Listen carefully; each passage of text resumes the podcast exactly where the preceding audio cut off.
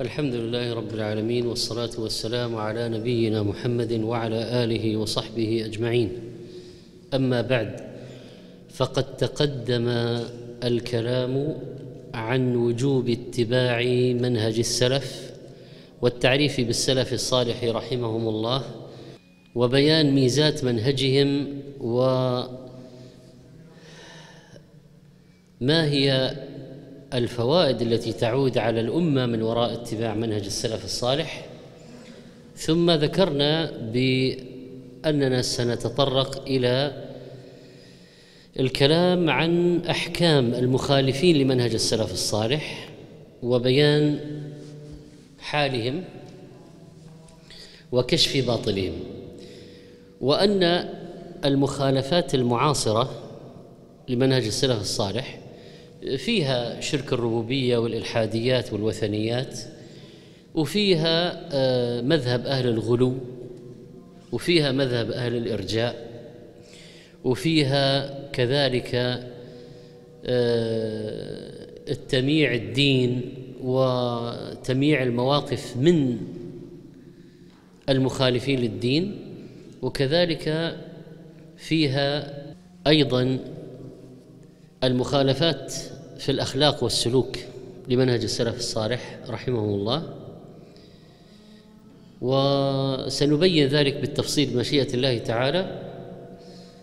ونبدأ بالترتيب الزمني لأول مخالفة ظهرت لمنهج السلف وهو مذهب الخوارج. لأن المخالفة لهذا المنهج بدأت من في حياة النبي صلى الله عليه وسلم. لأن أباهم يعني ابا الخوارج ظهر في وقت النبي عليه الصلاة والسلام وكان له مع النبي صلى الله عليه وسلم موقف.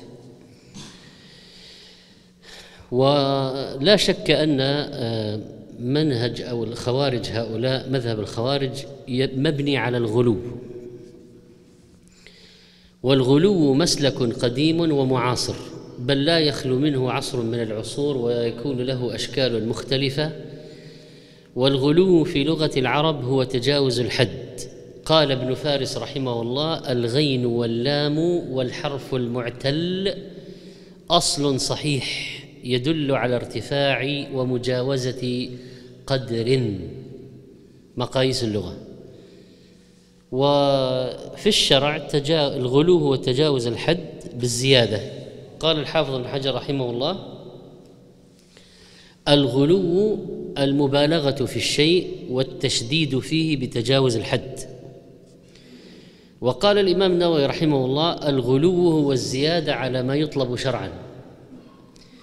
ويقول شيخ الإسلام رحمه الله والغلو مجاوزة الحد بأن يزاد الشيء في حمده أو ذمه على ما يستحق. يزاد على ما يستحق حمدا أو ذما ونحو ذلك. والغلو هو أحد مسالك الشياطين لإضلال بني آدم لأن الشيطان له مدخلان على المسلمين ينفذ من خلالهما إلى إغوائهم وإضلالهم. فإن كانت النفس من أهل التفريط والتساهل والتنازل والمعاصي واتباع الهوى زين لها الشيطان المعاصي والشهوات كي تكون بعيدة عن دين الله. وتخالف أمر الله وتقع فيما نهى الله عنه. الثاني إذا كان الشخص من أهل الطاعة والعبادة زين له الإفراط والغلو في الدين ليفسد عليه دينه. فإذا الشيطان يعني يقوم مع مع المسلم بدورين متعاكسين. إذا كان الشخص من أهل التفريط أولغه المعاصي. وإن كان من أهل الطاعة أولغه التشديد ليخرجه عن الطاعة المشروعة ويفسد عليه دينه. فيدخله في الغلو. طيب الوسوسة من الباب الأول ولا الثاني؟ إيقاع الشخص في الوسوسة من الباب الأول ولا الثاني؟ الثاني. يقول ابن القيم رحمه الله ما أمر الله بأمر إلا وللشيطان فيه نزغتان إما إلى تفريط وإضاعة وإما إلى إفراط وغلو. ودين الله وسط بين الجافي عنه والغالي فيه كالوادي بين الجبلين والهدى بين الضلالتين والوسط بين طرفين ذميمين. مدارج السالكين لابن القيم. ولهذا جاءت النصوص المتكاثرة بالنهي عن الغلو. فمنها ما فيه مخاطبة لأهل الكتاب ناهيا لهم عن الغلو قال تعالى يا أهل الكتاب لا تغلوا في دينكم ولا تقولوا على الله إلا الحق. وقال تعالى قل يا أهل الكتاب لا تغلوا في دينكم غير الحق. قال ابن كثير رحمه الله تعالى ينهى تعالى أهل الكتاب عن الغلو والإطراء لأن الإطراء هو الذي أوقعهم في الشرك بعيسى والغلو فيه فعبدوه من دون الله. وبالمناسبة طريقة الرهبان في الاعتزال في الأديرة والصوامع والرهبانية التي ابتدعوها ما كتبناها عليهم. هذه من أي باب؟ الثاني وهو الغلو.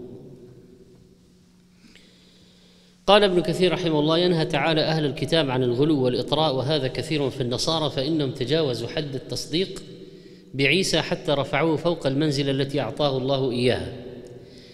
فنقلوه من حيز النبوة إلى أن اتخذوه إلها من دون الله يعبدونه كما يعبدونه يعني يعبدون عيسى كما يعبدون الله. بل قد غلوا في أتباعه وأشياعه يعني ما هو فقط غلوا في عيسى حتى غلوا في أتباع عيسى في الحواريين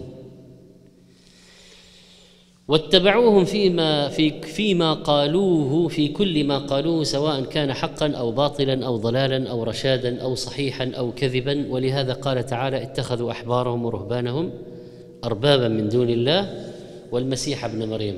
وما أمروا إلا ليعبدوا إلها واحدا لا إله إلا هو سبحانه عما يشركون. تفسير ابن كثير. ثانيا هناك نصوص تخاطب هذه الأمة بتحذيرها من الغلو. فالله خاطب أهل الكتاب وقص ذلك علينا لنستفيد. وخاطبنا سبحانه وتعالى مباشرة أيضا على لسان نبيه صلى الله عليه وسلم. فقد جاء في مسند الإمام أحمد رحمه الله عن ابن عباس رضي الله عنهما أن النبي صلى الله عليه وسلم قال لابن عباس غداة العقبة في الحج. وهو واقف على راحلته هات القطل الحصى. قال فلقطت له حصيات هن حصى الخذف. هذا مقاس الحصى التي تكون بين الأصبعين في رميها. كم يكون حجمها؟ فوضعهن في يده عليه الصلاة والسلام فقال بأمثال هؤلاء بأمثال هؤلاء وقال إياكم والغلو فإنما هلك من كان قبلكم بالغلو في الدين. فهذا النهي وإن ورد عن وإن ورد في سبب خاص وهو قضية حجم الحجارة أو حجم الحصى في الرمي في الحج. لكنه كما قال شيخ الإسلام رحمه الله عام في جميع أنواع الغلو في الاعتقاد والأعمال اقتضاء الصراط المستقيم. ثم علل ذلك رحمه الله شيخ الإسلام فقال بأن ما أهلك يعني ما أهلك من قبلنا إلا الغلو في الدين. كما تراه في النصارى. وذلك يقتضي أن مجانبة هديهم مطلقا أبعد عن الوقوع فيما به هلكوا. وأن المشارك لهم في بعض هديهم يخاف عليه أن يكون هالكا. انتهى. طيب تحريم الرهبان الزواج على أنفسهم. من أي باب؟ الثاني الغلو. ثالثا هناك نصوص تنهى عن التشدد. فقال عليه الصلاة والسلام إن الدين يسر ولن يشاد الدين أحد إلا غلبه فسددوا وقاربوا وأبشروا. لكن حتى نعرف ما هو التشديد المذموم فيجب أن نرجع إلى معنى الحديث. لأنه قد يأتي بعض أهل الهوى والمعاصي ويقولون لا تنكروا علينا المنكر لا تشددوا مشوها لا تنكروا في المعاصي. ويقولون لمن يمتنع عن المشاركة في المعصية أو ينكر عليه في المعصية إنه متشدد. فهل هذا متشدد حقيقة؟ وما هو التشدد المنهي عنه إذن؟ المشادة في اللغة المغالبة. يقال شاده يشاده مشادة إذا قاواه. ومعنى الحديث لا يتعمق أحد في في الأعمال الدينية تعمقا يترك به الرفق إلا عجز وانقطع وغلب. في النهاية يسقط لا يستطيع الاستمرار. فلن يشاد أحد هذا الدين إلا غلبه. يعني لن يتنطع فيه أحد إلا غلب وسقط. مثل الذي يتنطع في الطهارة. فمثلا غسل النجاسة أو الوضوء ثلاثا. فواحد جعل يغسل عشرا وعشرين وخمسين ومئة. وشدد وشدد وشدد. ماذا سيحدث له في النهاية؟ واحد من أمرين إما أن يترك الصلاة يقول خلاص أنا ما عاد أطيق خلاص ما عاد تعبت فيترك الصلاة كلها. أو أنه ينهار فيصاب بمرض يصاب بمرض خلاص.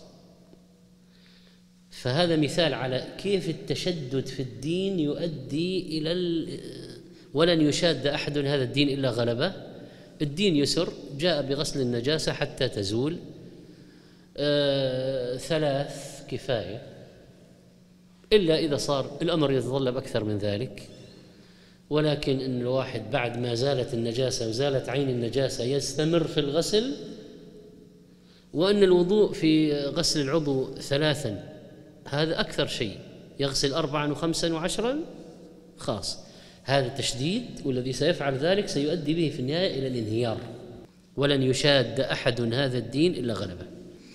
أما أن يقال آه، إذا صرفت نظر بصرك عن الحرام وما سمعت ما حرم الله من الغناء وتوقفت عن أي يعني صلات بالنساء الأجنبيات صلات محرمة وعن نظر إلى توقفت عن نظر إلى ما حرم الله وامتنعت عن آه، كل بيع وشراء محرم ونحو ذلك. يقال عنه متشدد. هذا واضح إنه من عمل الشيطان كي يجعل الناس ينساقون في المحرمات ولا أحد ينكر على أحد وتستشري وتنتشر. طيب هذه يعني هذا الحديث فيه نهي عن التشدد. وقال في الحديث إرشادات مهمة جدا. فسددوا يعني إلزموا السداد والصواب من غير إفراط ولا تفريط. قال أهل اللغة السداد هو التوسط في العمل. فنصير نحن الآن بين ناس لا يريدون العمل وناس يغالون. لا اعمل وتوسط في العمل. وقاربوا يعني إن لم تستطيعوا الأكمل خذوا ما قاربه اقترب من الكمال قدر الإمكان. وأبشروا يعني لا تيأسوا من رحمة الله وأبشروا بالثواب من الله وأن القليل الدائم خير من كثير المنقطع وأن من عجز الله يثيبه على نيته ومن قدر على بعض الشيء فالله يثيبه لأنه لا يكلف نفسا إلا وسعها. لا يكلف الله نفسا إلا ما أتاها لينفق ذو سعة من سعته على قدر ما يستطيع. رابعا بينت الشريعة أن الهلاك مصير الغلاة فقال عليه الصلاة والسلام هلك المتنطعون هلك المتنطعون هلك المتنطعون. رواه مسلم والمتنطعون المتعمقون المغالون المجاوزون للحدود في أقوالهم وأفعالهم. النووي على مسلم. وجاء عن النبي صلى الله عليه وسلم قوله فإنما هلك من كان قبلكم بالغلو في الدين. خامسا جاء الأمر بالاعتدال والتوسط والنهي عن مجاوزة الحد الشرعي كما قال سبحانه وتعالى فاستقم كما أمرت ومن تاب معك ولا تطغوا. لا تغلوا لا تزيدوا إنه بما تعملون بصير. قال الشيخ السعدي رحمه الله فأمر الله نبيه صلى الله عليه وسلم ومن معه من المؤمنين أن يستقيموا كما أمروا فيسلكوا ما شرع الله من الشرائع ويعتقدوا ما أخبر الله به من العقائد الصحيحة ولا يزيغ عن ذلك يمنة ولا يسرة ويدوم على ذلك ولا يطغوا ولا يتجاوز ما حده الله له من الاستقامة. انتهى. وبالتالي فإن التعسير ليس من الدين والتشديد بمعنى تحريم ما أحل الله ليس من الدين وكذلك ترك الرخص الشرعية الصحيحة كالقصر في السفر والمسح على الخفين والجوربين ونحو ذلك تركها غلو في الدين. ليش ما تأخذ رخصة الله؟ خذ رخصة الله. ولكن أن تترخص رخصة ما أذن بها الله هذا تساهل مذموم. الغلو ما هي ميادينه ومجالاته؟ اولا قد يكون في السلوك دون اعتقاد. كمن يقوم كل الليل ويصوم كل الأيام. وهذا النوع من الغلو بدأت بوادره في عهد النبي عليه الصلاة والسلام. كما في قصة الثلاثة الذين قال أحدهم أما أنا فإني أصلي الليل أبدا. وقال الثاني أنا أصوم الدهر ولا أفطر. وقال الثالث أنا أعتزل النساء ولا أتزوج أبدا. طبعا هذه رهبانية اعتزال النساء ولا يتزوج أبدا يعني حتى مع القدرة. فماذا قال النبي صلى الله عليه وسلم؟ من رغب عن سنتي فليس مني. ولما أراد عثمان بن مضعون رضي الله عنه أن يتبتل قال سعد بن أبي وقاص فنهاه رسول الله صلى الله عليه وسلم ولو أجاز له ذلك لاختصينا. رواه مسلم. خلاص يقول بلاش شهوة النساء وفتنة النساء هذه كلها خلاص واحد يروح يجري عملية ويزيل سبب الشهوة وانتهينا. والتبتل هو الانقطاع عن النساء وترك النكاح بالكلية. طبعا يقول لأن هذا يشغل يعني المرأة هذه تشغل الفراش النفقة أغراض البيت ودي وجيب الأولاد المرض المستشفى هات مدارس. هذا يشغل. ومع ذلك ما أجاز لنا الشرع التبتل والانقطاع؟ بزعم أن الزوجة والأولاد تشغل عن عن القيام والصيام والذكر والعبادة مع أنها تشغل حقيقة. لكن تعس عبد الزوجة. يعني إذا واحد راح في الجانب الآخر خلاص الولد مجبنة مبخلة محزنة قوا وإن من أزواجكم وأولادكم عدوا لكم فاحذروه. إذا مسألة مثلا ترك النكاح هي قضية سلوكية لكن الشرع ما أذن بها. ولو قال أنا لا أحرم النكاح بس أنا أريد أن أنقطع أنا أنا لنفسي. نقول ليس ذلك من الدين. طيب قد يكون الغلو في الأشخاص برفع فوق المنزلة التي أنزلهم الله إياها ويعتقد لهم قداسة ذاتية أو مكتسبة وهذا قد يكون في الأنبياء كما فعل النصارى بعيسى وقد يكون في الأولياء كما فعل الصوفية في من يعتقدون بالأوتاد والأبدال والأقطاب والغوث الأعظم. وكما يفعل أيضا في القادة ويفعل في حتى في المدراء ويفعل في الآباء ويفعل بشيخ القبيلة ويفعل بأشخاص كثيرين ممكن يعني. في العشق طبعا يفعل. تتراوح بين درجة الحب المفرط والطاعة العمياء التي تصل إلى درجة العبادة من دون الله أحيانا أو مع الله. طيب فعل الرافضة بأئمتهم الاثني عشر ما هو؟ غلو في الأشخاص. وكما تفعل بعض الجماعات والأحزاب في الغلو في أمرائها وقادتها. النبي عليه الصلاة والسلام نهى عن الغلو فيه هو شخصيا مع أنه نبي الأمة ومنزلته عند الله ما هي؟ عظيمة.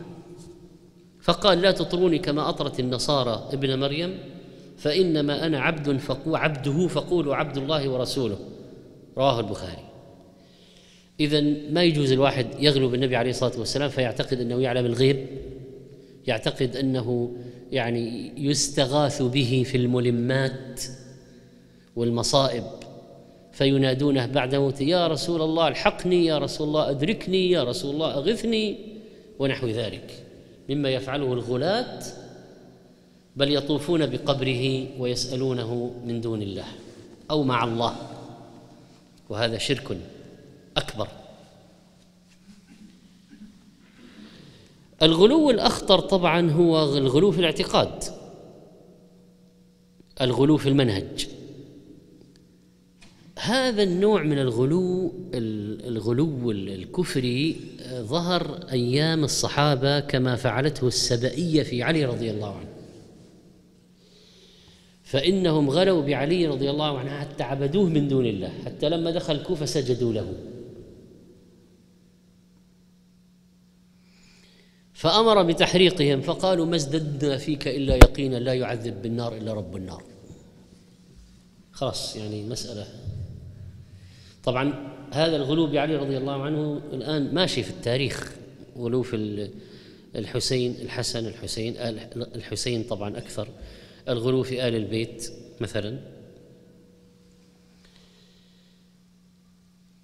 الخوارج أهل غلو. يعني انحرافهم جاي من باب الغلو.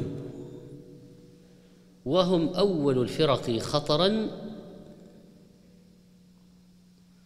أول الفرق خطرا أول الفرق خروجا وخطورتهم شديدة جدا. ولذلك نجد أنه لم يأتي في السنة النبوية تحذير من أحد الفرق الثلاثة وسبعين بعينها إلا الخوارج. فهم الفرقة الوحيدة التي وردت نصوص شديدة في التحذير منها وأنهم كلاب النار ونحو ذلك لخفاء أمرهم والتباس شأنهم وخطرهم على الأمة لأن ظاهرهم الصلاح. فهم عباد ومقاتلون يعني يضحون بأنفسهم. ويحقر الصحابي صلاته بجانب صلاتهم وصيامه بجانب صيامهم. وهذه فتنة للمسلمين لأن هؤلاء الناظر إليهم سيقول سادة سادة. وقد حصل الافتتان بآراء الخوارج على مر التاريخ جزئيا أو كليا. والخوارج اتخذوا مبدأ التبرؤ ممن أخطأ ولو كان مجتهدا بل كفروه. واتخذوا ذلك مبدا عاما مع أئمة المسلمين وعامتهم. وكان للخوارج أثر خطير جدا على المستوى العقدي والفكري والمنهجي بالذات عند من قل علمه وفقهه للنصوص الشرعية.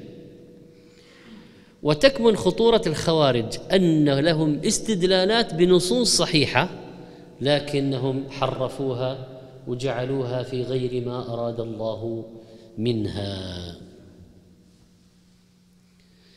وشبهاتهم قوية. وقد ذكر الحافظ بن حجر رحمه الله في فتح الباري قال إن قتال الخوارج أولى من قتال المشركين. طبعا المقصود في جهاد الطلب.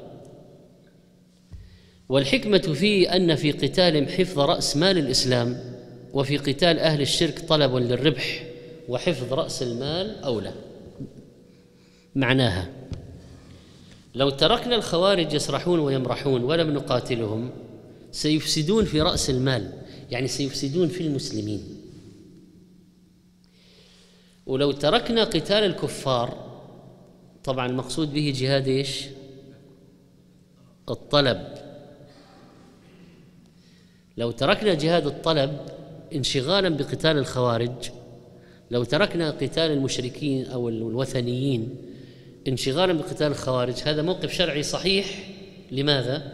لأنه لو ترك الخوارج سيفسدون في الداخل سيفسدون وسط المسلمين.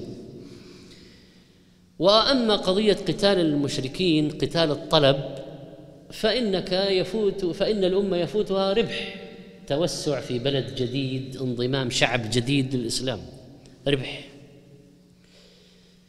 وحفظ رأس المال مقدم على الربح. هذا في جهاد إيش؟ الطلب. فتح الباري. قال شيخ الإسلام رحمه الله ولهذا كان أول من فارق جماعة المسلمين من أهل البدع الخوارج المارقون. وقد صح الحديث في الخوارج عن النبي صلى الله عليه وسلم يقول شيخ الإسلام من عشرة أوجه. خرجها مسلم في صحيحه وخرج البخاري منها غير وجه وقد قاتلهم أصحاب النبي صلى الله عليه وسلم مع أمير المؤمنين علي رضي الله عنه فلم يختلفوا في قتالهم. يعني الصحابة كانت عندهم قضية واضحة جدا. ولم يحجم أحد عن قتالهم ويقول هذه فتنة أو هذه آه، مثلا آه، آه، يعني التباس لأن لأنهم لما ظهروا كان ظهورهم واضحا عرفهم الصحابة بصفاتهم وعلاماتهم. وعملوا بأمر النبي عليه الصلاة والسلام قاتلوهم فإن في قتلهم فإن في قتلهم اجرا لمن قتلهم لأن شأنهم واضح خلاص. ومذهب الخوارج ليس مجرد آراء وأفكار آه، يعني مثل أهل الفلسفة والكلام. لا لا هذا يتعدى إلى ممارسات تطبيقية واقعية لأنهم يحملون السيف على المسلمين يسفكون الدماء يفسدون في الأرض وهكذا.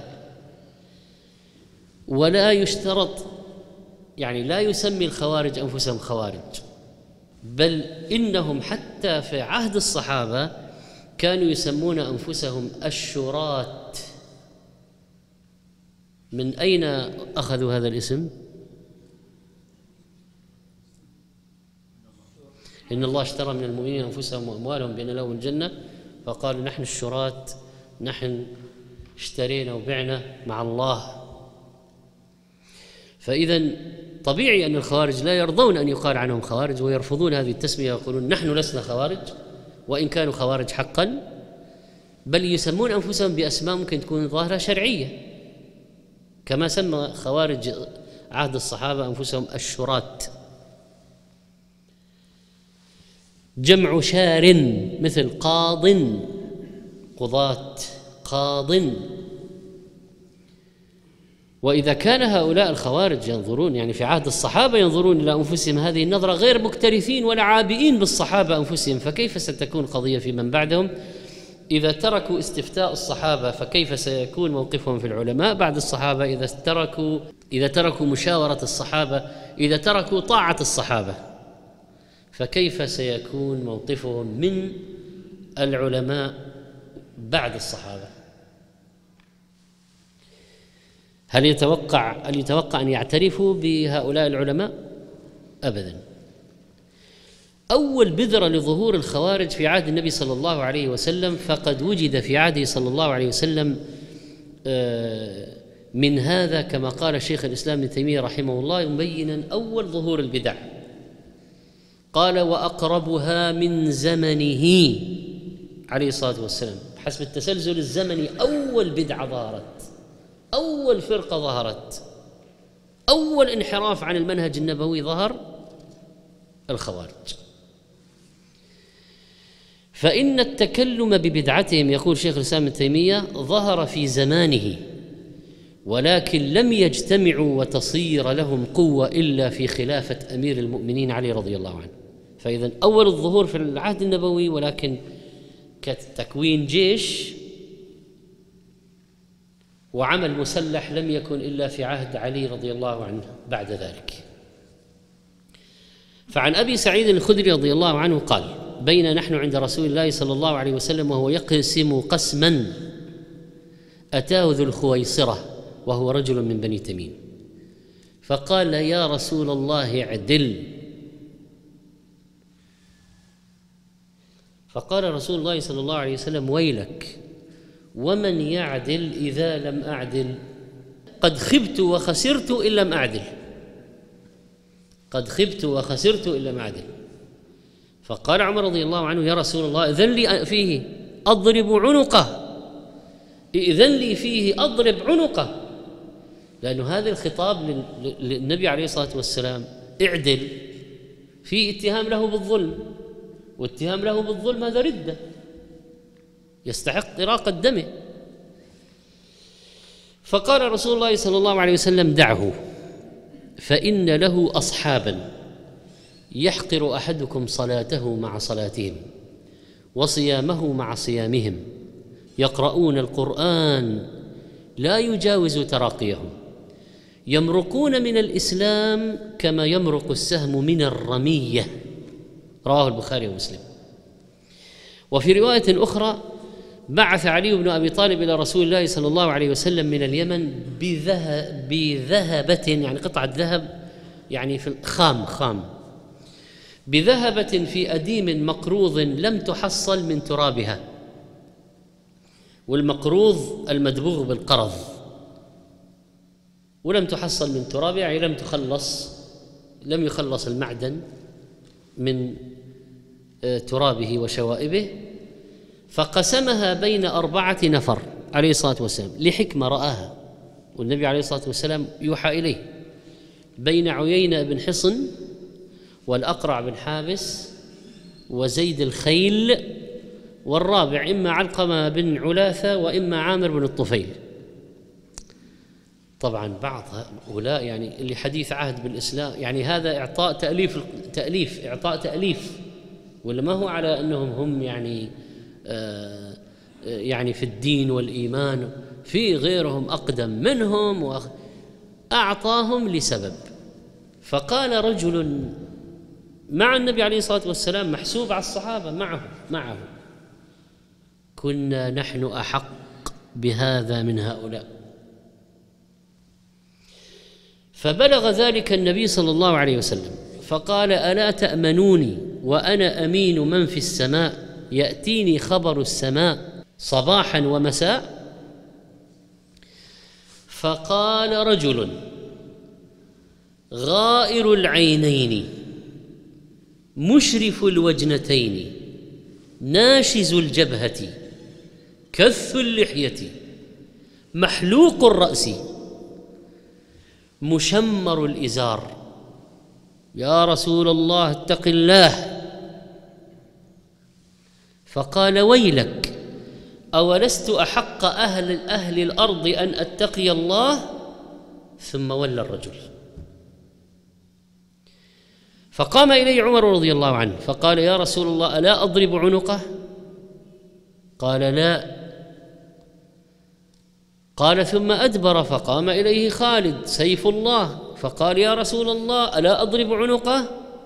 قال لا. لعله أن يكون يصلي.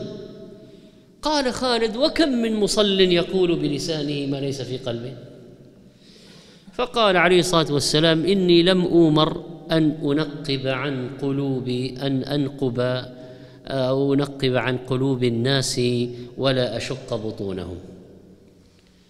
ثم نظر النبي صلى الله عليه وسلم إلى ذلك الرجل وهو مقف. خرس ولا ظهره وذهب.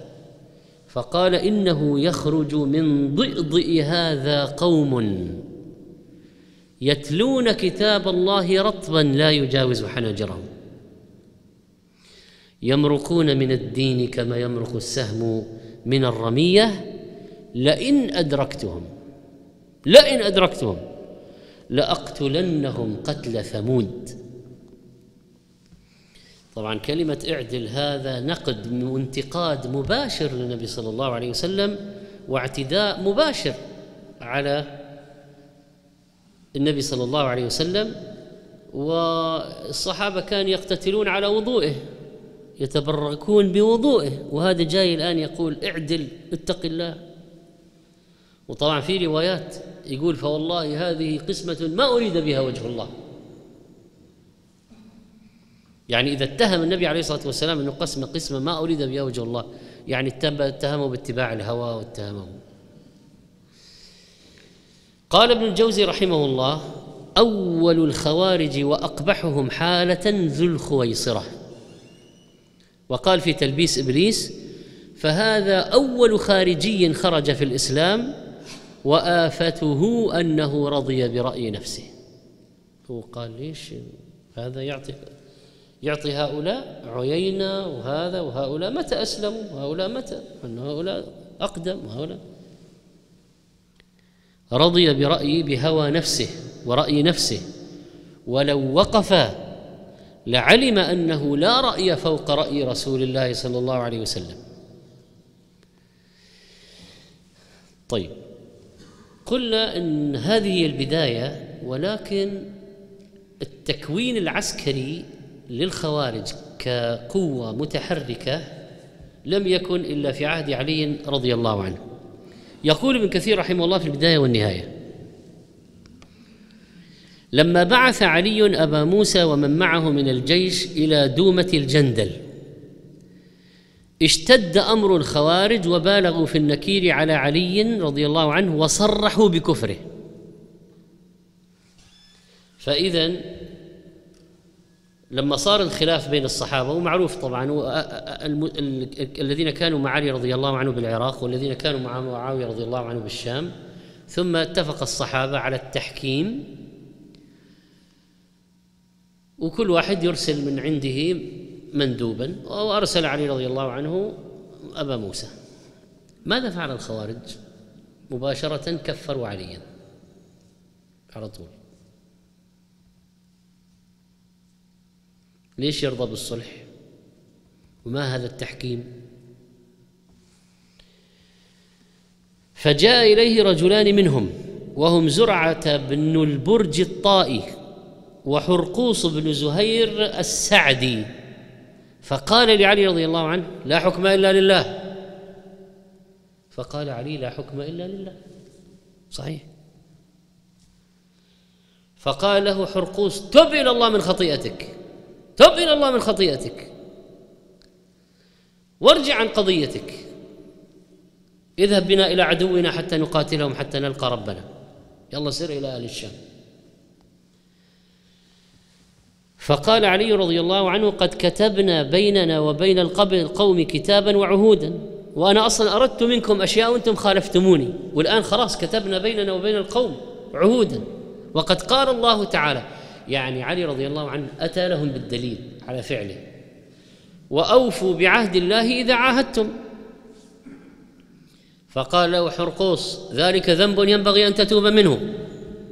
ما في فائدة. يعني حتى مع أن علي أعطاه الدليل رضي الله عنه. فقال علي رضي الله عنه ما هو بذنب؟ ولكنه عجز من الرأي. فقال له زرع بن البرج. أما والله يا علي لئن لم تدع تحكيم الرجال في كتاب الله لأقاتلنك أطلب بذلك وجه الله ورضوانه. فقال له علي رضي الله عنه تبا لك ما أشقاك. كأني بك قتيلا تسفي عليك الريح. فقال وددت أنه قد كان ذلك. يعجبني. أنت تقول ما عندي مانع. فقال علي رضي الله عنه إنك لو كنت محقا كان في الموت تعزيه من الدنيا ولكن الشيطان قد استهواكم. فخرجا من عنده يحكمان أمرهما وفشى فيهم ذلك وجاهروا به الناس وتعرضوا لعلي في خطبه وأسمعوه السب والشتم والتعريض بآيات من القرآن. يقول ابن كثير وذلك أن عليا رضي الله عنه قام خطيبا في بعض الجمع فذكر أمر الخوارج فذمه وعابه فقام إليه جماعة منهم. شوف حتى لا احترام لا لأمير المؤمنين ولا للخطبة ولا للحديث أنصت. كل واحد منهم يقول لا حكم إلا لله لا حكم إلا لله لا حكم إلا لله. وقام رجل منهم وهو واضع أصبعه في أذنيه. يعني لا يريد أن يسمع أصلا. ويقول ولقد أوحي إليك وإلى الذين من قبلك لئن أشركت ليحبطن عملك ولتكونن من الخاسرين. هو شوف يجيبوا آيات الكفار والمشركين ينزلوها على من؟ على الصحابة. طبعا وعلى المسلمين. فجعل علي رضي الله عنه يقلب يديه هكذا وهكذا على المنبر. ويقول حكم الله ننتظر فيكم. انتظر ماذا يقضي الله في أمركم؟ انتظر قدر الله فيكم. ثم قال إن لكم علينا الا نمنعكم مساجدنا ما لم تخرجوا علينا. يعني بالسيف.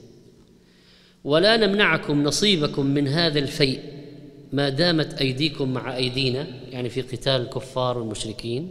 ما نمنعكم نصيبكم من الغنيمة. ولا نقاتلكم حتى تقاتلونا طبعا هذا من فقه علي رضي الله عنه.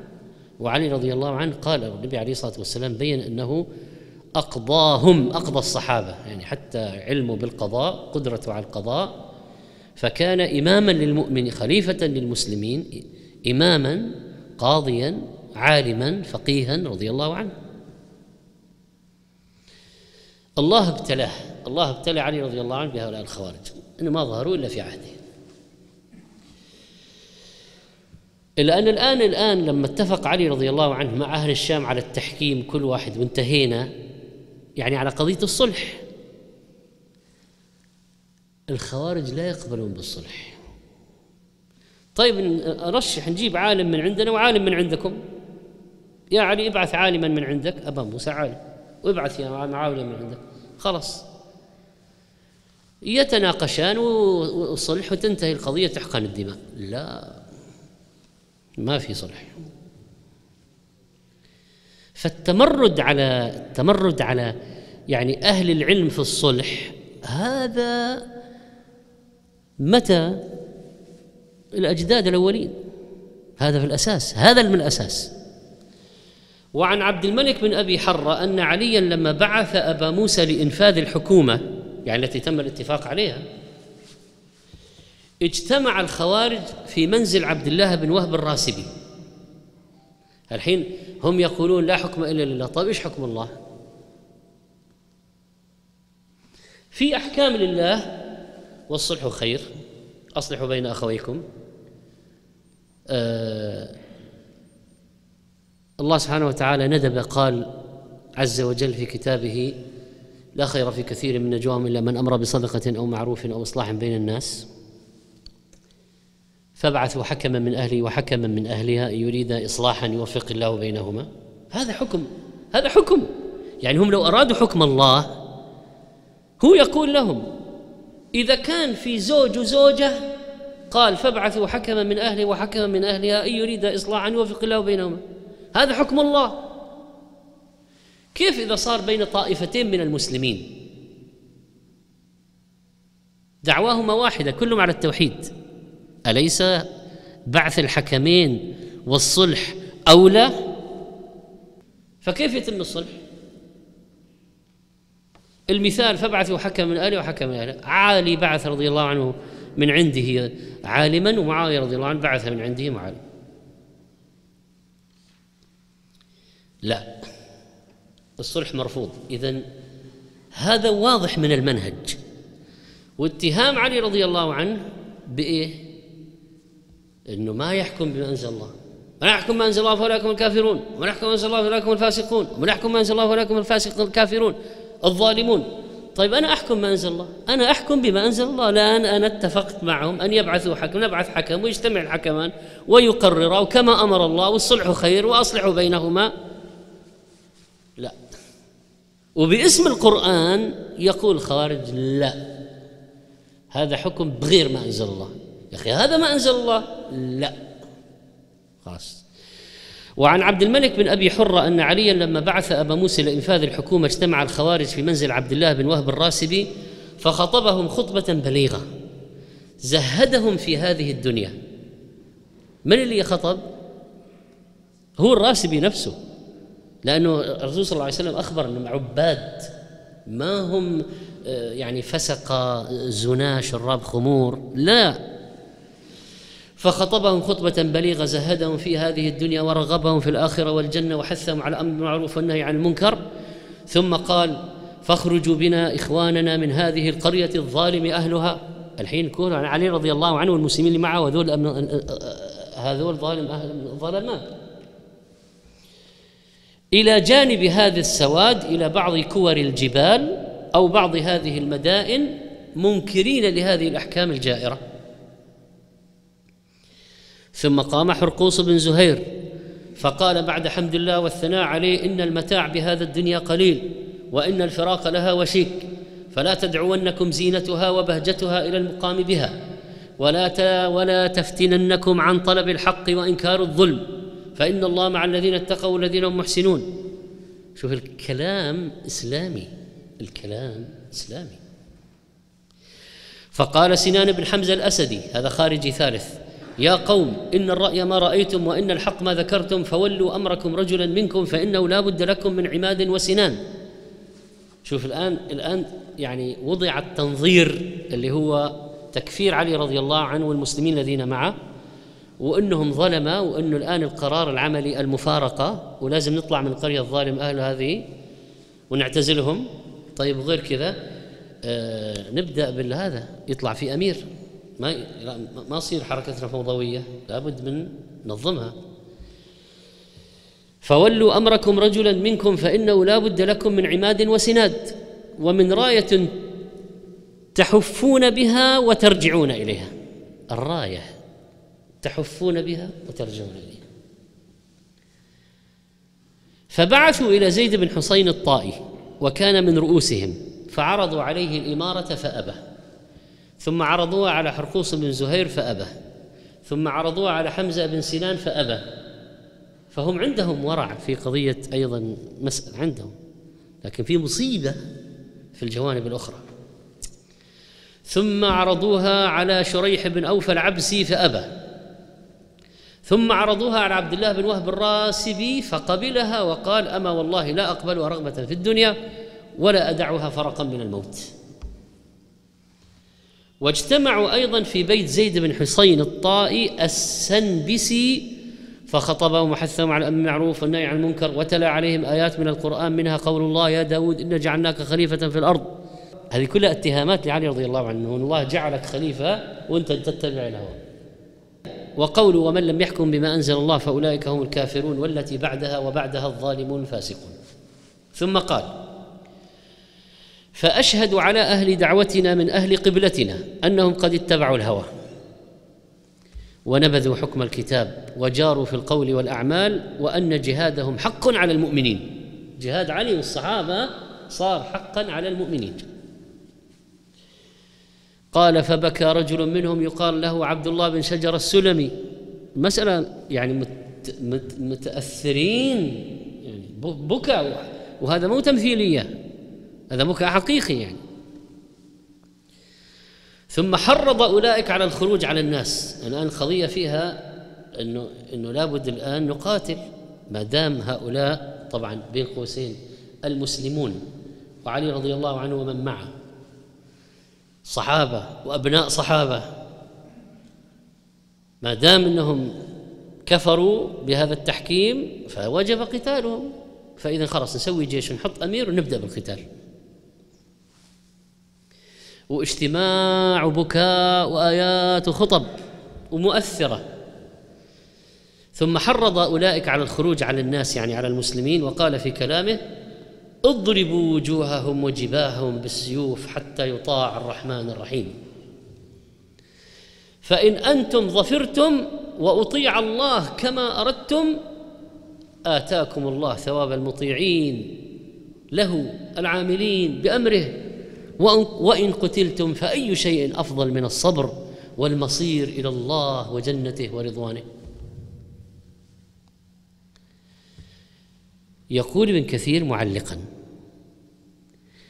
قلت وهذا الضرب من الناس من أغرب أشكال بني آدم.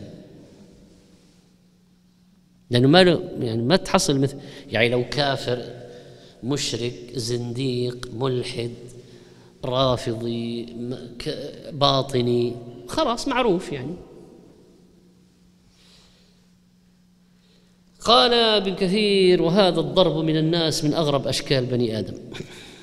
فسبحان من نوع خلقه كما اراد وما أحسن ما قال بعض السلف في الخوارج إنهم المذكورون في قوله تعالى قل هل ننبئكم بالأخسرين أعمالا الذين ضل سعيهم في الحياة الدنيا وهم يحسبون أنهم يحسنون صنعا؟ أولئك الذين كفروا بآيات ربهم ولقائه فحبطت أعمالهم فلا نقيم لهم يوم القيامة وزنا. يقول ابن كثير والمقصود أن هؤلاء الجهال الضلال والأشقياء في الأقوال والأفعال اجتمع رأيهم على الخروج من بين أظهر المسلمين وتواطؤوا على المسير إلى المدائن ليملكوها ويتحصنوا بها يعني خلاص سووها قاعدة لهم في الانطلاق ثم يبعثوا إلى إخوانهم وأضرابهم ممن هو على ما هم عليه من أهل البصرة وغيرها فيوافوهم إليها ويكون اجتماعهم عليها. فقال لهم زيد بن حسين الطائي واحد من, من رؤوسهم إن المدائن لا تقدرون عليها. ما تستطيعون تستولوا عليها فإن بها جيشا يعني من الصحابة والمسلمين لا تطيقونه وسيمنعوها عنكم. ولكن واعدوا إخوانكم إلى جسر نهر جوخا. ولا تخرجوا من الكوفة جماعات ولكن اخرجوا وحدانا لئلا يشعروا بكم. فكتبوا كتابا عاما إلى من هو على مذهبهم ومسلكهم من أهل البصرة وغيرها وبعثوا به إليهم ليوافوهم إلى النهر ليكونوا يدا واحدة على الناس. ثم خرجوا يقول ابن كثير يتسللون وحدانا لئلا يعلم أحد بهم فيمنعوهم من الخروج فخرجوا من بين الآباء والأمهات والأعمام والعمات وفارقوا سائر القرابات. يعتقدون بجهلهم وقلة علمهم وعقلهم أن هذا الأمر يرضي رب الأرض والسماوات ولم يعلموا أنه من أكبر الكبائر والذنوب الموبقات والعظائم والخطيئات وأنه مما يزينه لهم إبليس وأنفسهم التي هي بالسوء أمارات. وقد تدارك جماعة منهم بعض أولادهم وقراباتهم. يقول ابن كثير في البداية والنهاية وقد تدارك جماعة منهم بعض أولادهم وقراباتهم وإخوانهم فردوهم ووبخوهم. أنه كيف تخرج على المسلمين؟ إيش هذا الاجتماع؟ الذي تجتمعون به لتخرجوا على المسلمين وتسفكوا دماء المسلمين. فمنهم من استمر على الاستقامة ومنهم من فر بعد ذلك فلحق بالخوارج فخسر إلى يوم القيامة. وذهب الباقون إلى ذلك الموضع ووافى إليهم من كاتبوه من أهل البصرة وغيرهم. خلاص الاجتماع تم. اللي ما أراد له الله له الهداية راح. واجتمع الجميع بالنهروان وصارت لهم شوكة ومنعة وهم جند مستقلون وفيهم شجاعة وثبات وصبر. شوف عدل بن كثير ما فوت يعني أن يقول أن يصفهم بصفات إيجابية. قال وفيهم شجاعة وثبات وصبر. وعندهم يقول هم عند أنفسهم يعني أنهم متقربون بذلك إلى الله. يعني هذا الخارجي هو ما هو بينه وبين نفسه ما يقول والله أنا عاصي بس أبغى. لا لا هو عند نفسه إنه هو متقرب إلى الله. الآن شغله هذا جهاد. مع أنه قتال لعلي الصحابة. قال وعندهم أنهم متقربون بذلك إلى الله عز وجل. فهم قوم لا يصطلى لهم بنار ولا يطمع أحد في أن يأخذ منهم بثأر. والله المستعان. طبعا الآن خلص خرجوا. فقام علي في الناس خطيبا فحثهم على الجهاد والصبر عند اللقاء. فبينما هو عازم على غزو أهل الشام إذ بلغه أن الخوارج قد عاثوا في الأرض فسادا وسفكوا الدماء وقطعوا السبيل واستحلوا المحارم.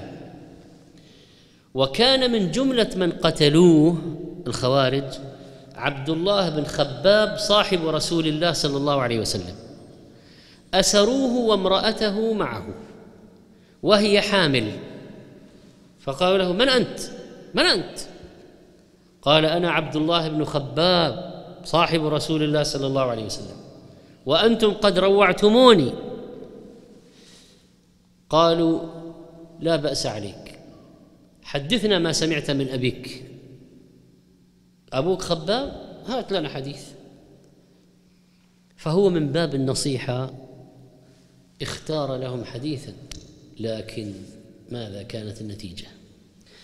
فقال سمعت أبي يقول سمعت رسول الله صلى الله عليه وسلم يقول ستكون فتنة القاعد فيها خير من القائم والقائم خير من الماشي والماشي خير من الساعي. فقادوه بيده. قاس أسروه أسيرا عندهم أسيرا. فبينما هو يسير معهم إذ لقي بعضهم خنزيرا لبعض أهل الذمة فضربه بعضهم بسيفه فشق جلده. جلد الخنزير. فقال له آخر من الخوارج لم فعلت هذا وهو لذمي؟ يعني هذول أوصانا بهم النبي عليه الصلاة والسلام ما يجوز تعتدي عليهم أهل الذمة أهل العهد. كيف؟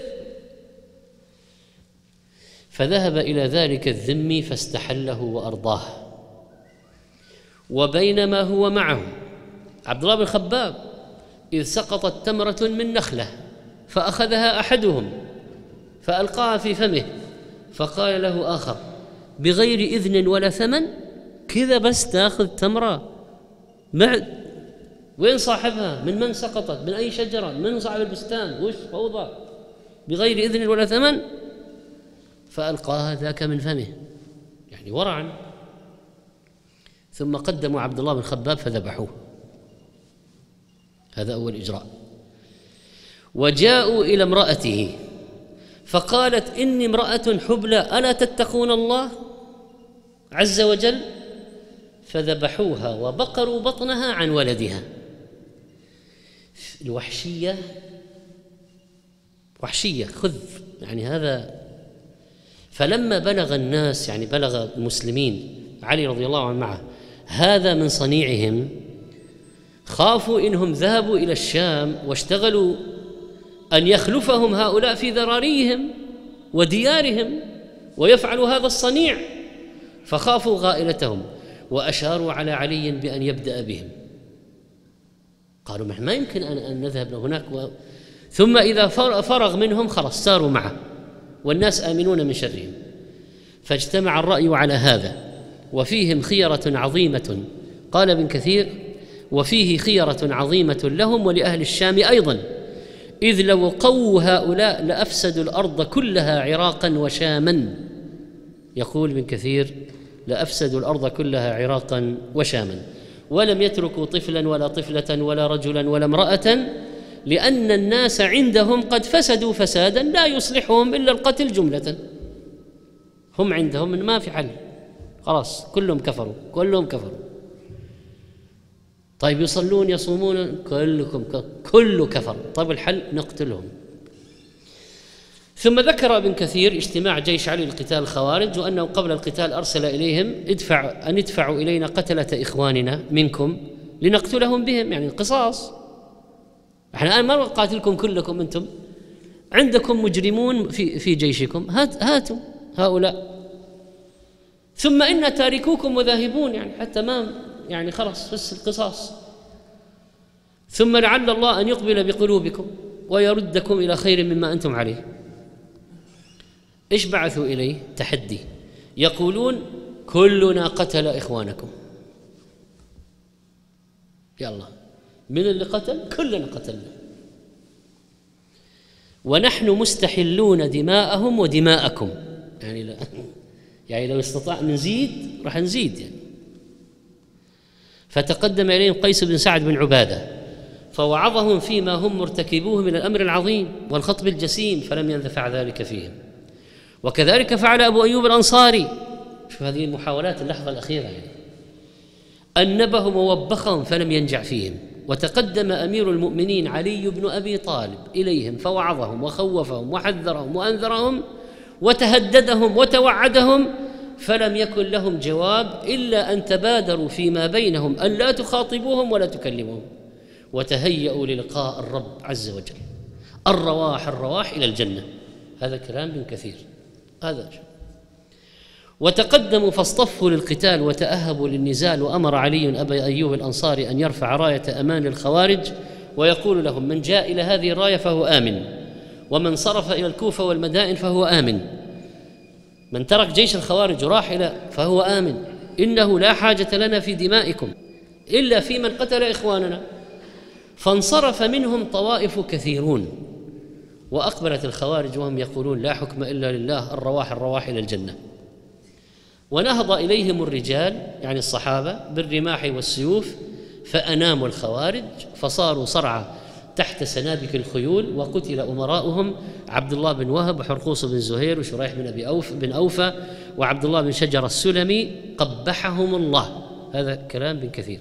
قال أبو أيوب وطعنت رجلا من الخوارج بالرمح فأنفذته من ظهره وقلت له أبشر يا عدو الله بالنار. فقال شوف وهو يموت وهو يموت. قال ستعلم أينا أولى بها صلية. قال ولم يقتل من أصحاب علي إلا سبعة نفر إلا سبعة نفر وجعل علي يمشي بين القتلى منهم ويقول بؤسا لكم قد ضركم من غركم. بؤسا لكم قد ضركم من غركم. فقالوا يا أمير المؤمنين ومن غرهم؟ فقال الشيطان وأنفس بالسوء أمارة غرتهم بالأماني وزينت لهم المعاصي ونبأتهم أنهم ظاهرون. ولما قتل علي أهل النهروان جعل الناس يقولون الحمد لله يا أمير المؤمنين الذي قطع دابرهم. فقال علي كلا والله إنهم لفي أصلاب الرجال وأرحام النساء. يعني ما هو قطع دابرهم يعني لن يظهروا مرة أخرى. موجودون في في أرحام النساء وأصلاب الرجال وسيظهرون في كل عصر. وهذه مستمرة هذه البدعة مستمرة لن تنقطع. قال فإنه إنه كلا والله إنهم لفي أصلاب الرجال وأرحام النساء. فإذا خرجوا من بين الشرايين فقلما يقاتلون أحدا إلا ألفوا أن يظهروا عليه. وكان عبد الله بن وهب الراسبي قد قحلت مواضع السجود منه من شدة اجتهاده وكثرة سجوده وكان يقال له ذو المنقبات يعني من كثرة عبادته واجتهاده. طيب هذه القصة يعني التي حصلت ملخص القصة لخصها لنا ابن كثير رحمه الله حصلت في مع بعض الأحاديث في عهد علي رضي الله عنه. طبعا هناك صفات أخرى وردت في السنة. آه، سنستعرض هذه الصفات إن شاء الله وكلام العلماء في هذا وما آه، هي أسباب الانحراف؟ ما هي أسباب انحراف الخوارج؟ و آه، نبين بعد ذلك إن شاء الله من الذين يسيرون على هذا المنهج ومن الذين يتهمون بالباطل أنهم خوارج؟ لأن عندنا الآن عندنا مسألة معقدة. عندنا خوارج حقيقيين وعندنا ناس يتهمون أنهم خوارج وليسوا بخوارج. ف لازم نعرف الصفات. يعني أنت الآن حتى تخرج الذين ليسوا بخوارج تقول أنتم بريئون. لستم معنيون بهذا؟ وأنتم خوارج هذه المسألة كيف تعرف؟ بالصفات. لازم تطلع الصفات وبعد ذلك تعرف هل هؤلاء خوارج هل هؤلاء خوارج؟ لأنه في كل عصر ومز... لأنه في كل عصر هذا كلام علي رضي الله عنه. ما في ما لا يمكن. ولذلك نفس هؤلاء يعني كما ذكر كثير رحمه الله كانوا في العراق والشام. أيام علي رضي الله عنه والصحابة كانوا في العراق والشام. بعد ذلك انتقلوا وذهب بعضهم إلى المغرب ذهب بعضهم إلى عمان ذهب بعضهم إلى أماكن أخرى. يعني وصار هناك بؤر في الأمة لهم على مدار التاريخ. فسنذكر إن شاء الله في الدرس القادم أو الذي بعده أيضا هذا. ثم ندخل في موضوع الإرجاء لأن عندنا المشكلة المقابلة لمشكلة الخوارج وهي مشكلة مصيبة المرجئة الذين أخروا العمل عن الإيمان. ثم عندنا أيضا كما قلنا آه، التمييع في الموقف من الكفار والمنافقين إلى آخره بما يسمى من الآخر. وعندنا أيضا قضية شركيات والوثنيات الحديثة الإلحاد شرك الربوبية المعاصر. سنتكلم عنه إن شاء الله أيضا في المخالفات للمنهج النبوي الكلية والجزئية بمشيئة الله في هذه الدورة. نسأل الله العون والسداد وصلى الله وسلم على نبينا محمد.